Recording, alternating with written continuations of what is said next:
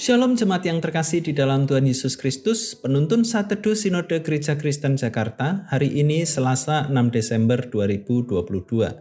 Semakin dipulihkan, Mazmur 25 ayat yang keempat, Beritahukanlah jalan-jalanmu kepadaku ya Tuhan, tunjukkanlah itu kepadaku. Ketika petani hendak menanam sayur di ladang yang baru, Hal pertama yang harus dilakukan adalah membajak lahan tersebut agar berbatuan dan akar pohon yang ada dalam tanah tersebut bisa terangkat ke permukaan. Selanjutnya lahan tersebut dibajak lagi untuk menghasilkan kontur tanah yang lebih halus agar siap ditanam. Begitu juga dengan pertumbuhan rohani kita. Hati kita seperti sebuah ladang. Saat pertama kali menjadi orang percaya, kita mungkin mengalami Tuhan yang menyingkapkan dosa-dosa kita.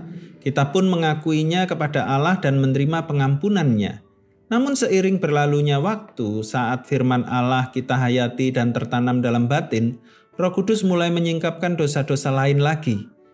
Dosa-dosa tersembunyi yang semula kita anggap kecil namun jika dibiarkan, maka akan merusak.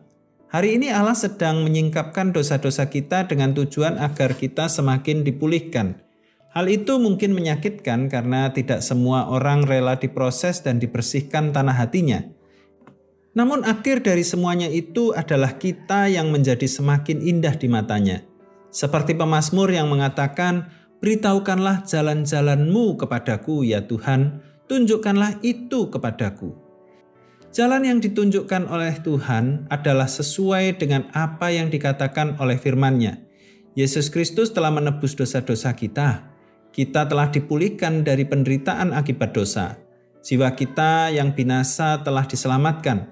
Harga keselamatan itu sangat mahal, yaitu melalui kematian Yesus Kristus di kayu salib.